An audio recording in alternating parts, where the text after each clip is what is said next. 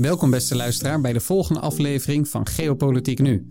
Vandaag zullen wij het hebben over de geopolitieke competitie tussen India en China. En dat is de nieuwe gegadigde voor de wereldorde om in de Major League deel te nemen, India. Dus Amerika zou graag deze grootmacht in zijn eigen kamp willen opnemen. Tegelijkertijd zien we dat de relatie tussen China en India onder druk staat, zoals die ook wel eens gespannen is geweest tussen India en Amerika. Laten we inzoomen op de eerste. Kun jij een grove schets geven van die relatie tussen India en China? Ja, India en China, heb, China hebben eigenlijk al vanaf het begin een ja, moeilijke relatie. Aan het uh, begin van de Indiase onafhankelijkheid in 1947 trachtte de premier Nehru om een goede relatie op te bouwen met China. Hij noemde ook India-China bye-bye.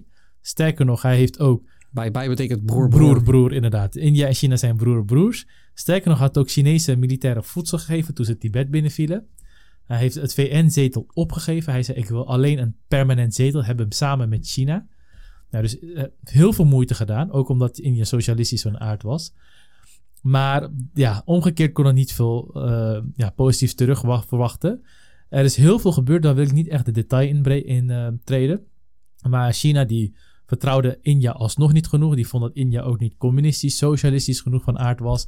Die wilde ook graag geopolitiek de gebieden in Kashmir hebben en ook in het uh, zuidelijke Himalaya, dus het noorden van India. En dat heeft dus eigenlijk ook geresulteerd in twee oorlogen met India. Dus ook daar zijn de relaties niet goed. Eigenlijk meer als je ook de oorlogen met Pakistan meetelt, want daar heeft ook China Pakistan altijd geholpen. Dus nee, de, spannende relatie staat niet zo heel goed. Wel moet gezegd hebben dat de economische relaties wel best wel intens zijn. China is denk ik... Veel handel. Heel veel handel. Ik denk de tweede grootste handelspartner van India. Oké, dus ja. ze zijn grote handelspartners van elkaar. Toch staat die relatie heel erg sterk onder druk, mede door het verleden. Waar mondt dat heden ten dagen uh, in uit? Dus waar zijn de hedendaagse spanningen om te doen? Dat zie je eigenlijk op één plek, dat is bij de grens tussen okay. India en China, is bij de Himalaya. Heel onherbergzaam. Alleen zoals bij elk bergketen heb je hier en daar valleien. En je ziet dat in die valleien er sprake is van clashes. Dus China stuurt constant soldaten vlak over de Indiase grens. Overigens niet bewapend met echt wapens, maar met stokken en met ja, knuppels, dat soort zaken. En het is elke India die die Chinese soldaten moet terugduwen. Een tijdje was het niet gelukt, een paar jaar geleden. Maar op, opnieuw, as we speak, heeft China alle Chinese soldaten flink teruggedrongen. Uh, met meer doden aan Chinese zijde als gevolg. En dat zeggen ook Amerikaanse waarnemers. Maar dan zie je constant, ook nog vorig jaar, ook het constant binnentreden van India, wat eigenlijk een oorlogsdaad is. En het tweede waar je dat in terugziet is in het zuiden van India, bij de Indische Oceaan. De Strings of Pearls. Dat betekent dat China bezig is om om India havens te bouwen of over te nemen. Met als doel om daar militaire en spionageschepen te sturen. Militairen nog okay. niet, maar ze hebben al wel bijvoorbeeld bij Sri Lanka spionageschepen gestuurd.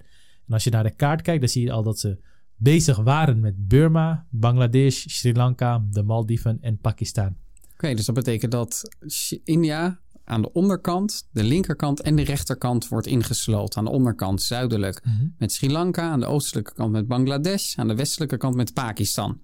En ja. op die manier probeert China India echt te omsingelen. Wat is het belang van China hierbij? Waarom ziet China India als een grote concurrent? Ook hier weer, pak de kaart erbij. Als je de wereldkaart pakt, dan lijkt het alsof de ligging van India een soort is given by the gods. Hele perfecte ligging aan de Indische Oceaan. En als je ook naar de geschiedenis kijkt, even voor de uh, islamitische en Britse kolonisatie, was India ook een enorme maritieme macht. En hadden ze ook de handel in bezit, zoals de Romeinen de ja, westerse handel hadden, omdat ze Egypte in bezit hadden. Ook al bestond Suezkanaal toen nog niet. Dus de Indische Oceaan lijkt wat handel betreft uh, en belangrijkheid, importantie op de Middellandse Zee. Ja, heel, zo uitdanig zelfs dat bijna al het handel, misschien op een paar procent erna, tussen het oosten, Japan, China, Zuidoost-Azië en het westen, heb ik het over Europa, niet over Amerika, gaat langs India. Ook daarvan kan je de kaart erbij pakken. De schepen gaan echt langs de kust van India. Nou, en het is China aan te doen om die macht, om die positie op de Indische Oceaan in zijn greep te houden. Ook om handelsroutes te beschermen. En eigenlijk om te voorkomen dat India daar een te grote maritieme macht wordt. Oké, okay, ja. okay, dus het draait om het zekerstellen van handelsroutes en tegelijkertijd de grenzen in het noorden uh, voor, vanuit Chinees perspectief uit te breiden en permanent ter discussie te stellen. Want ik heb ook begrepen dat die grenzen niet helemaal vastgelegd zijn op de grond en dat ze elkaar eigenlijk voor een voldongen feit willen stellen. Inderdaad, wat het is, de Himalayas, ik weet niet of je er ooit bent geweest, het is enorm onherbergzaam. Dus tijdens toen het nog een Britse handen was, is er samen toen met de Tibetaanse heersers afgesproken: oké, we kunnen niet echt naar de grens gaan om een grens vast te stellen, omdat je, je kan het gewoon niet bewandelen. Dat is net als ja, vol sneeuw, stormen, berg, je kan er gewoon niet naartoe gaan.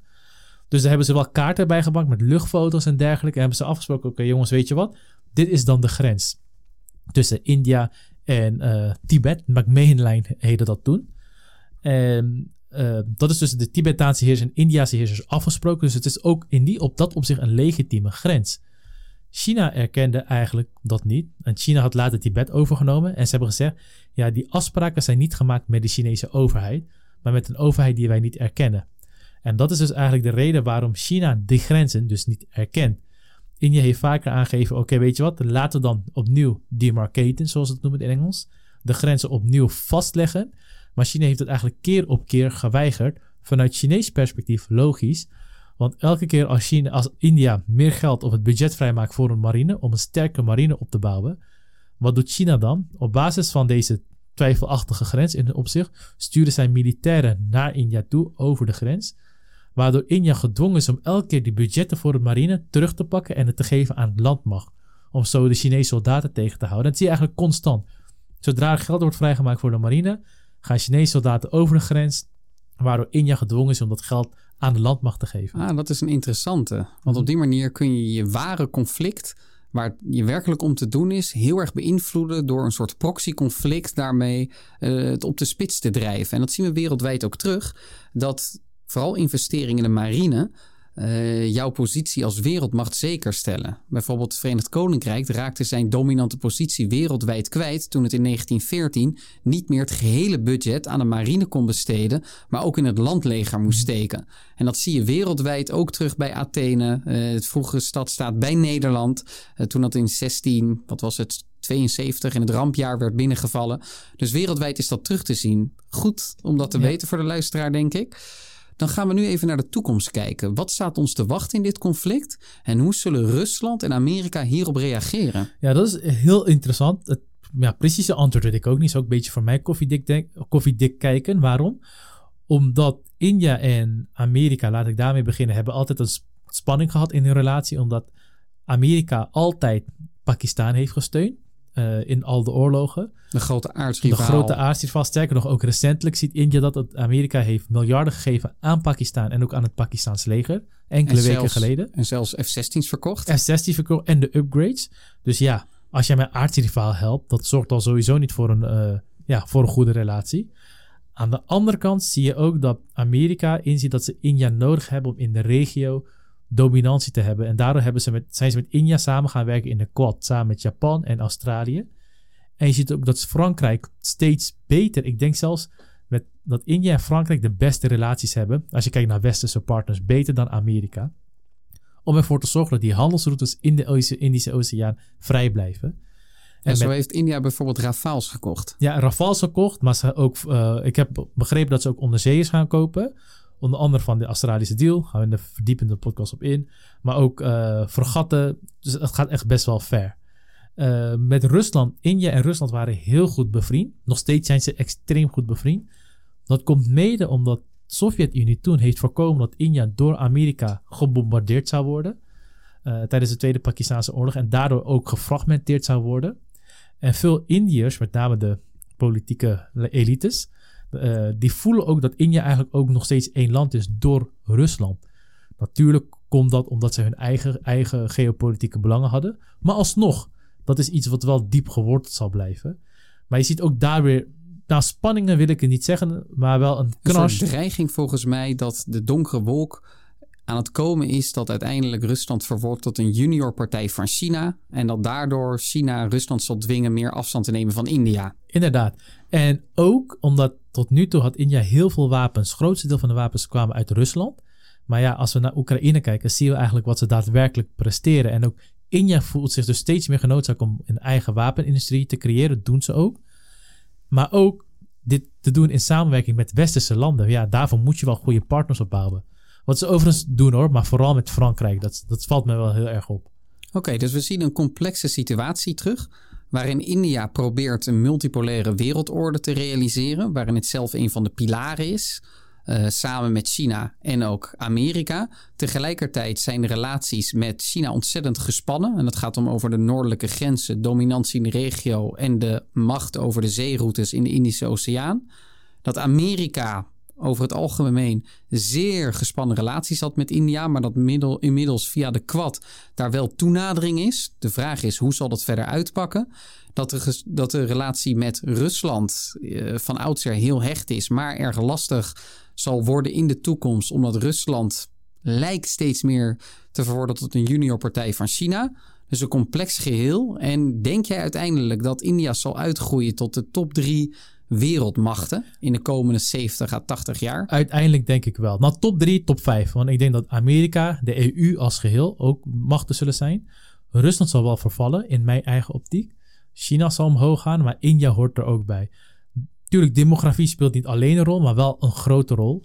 En de demografie van India wijst het naar de anderhalf tot 1,7 miljard mensen zal gaan. De economie is aan het groeien, ook nog steeds. En je ziet steeds meer industrieën die verhuizen van China naar India toe.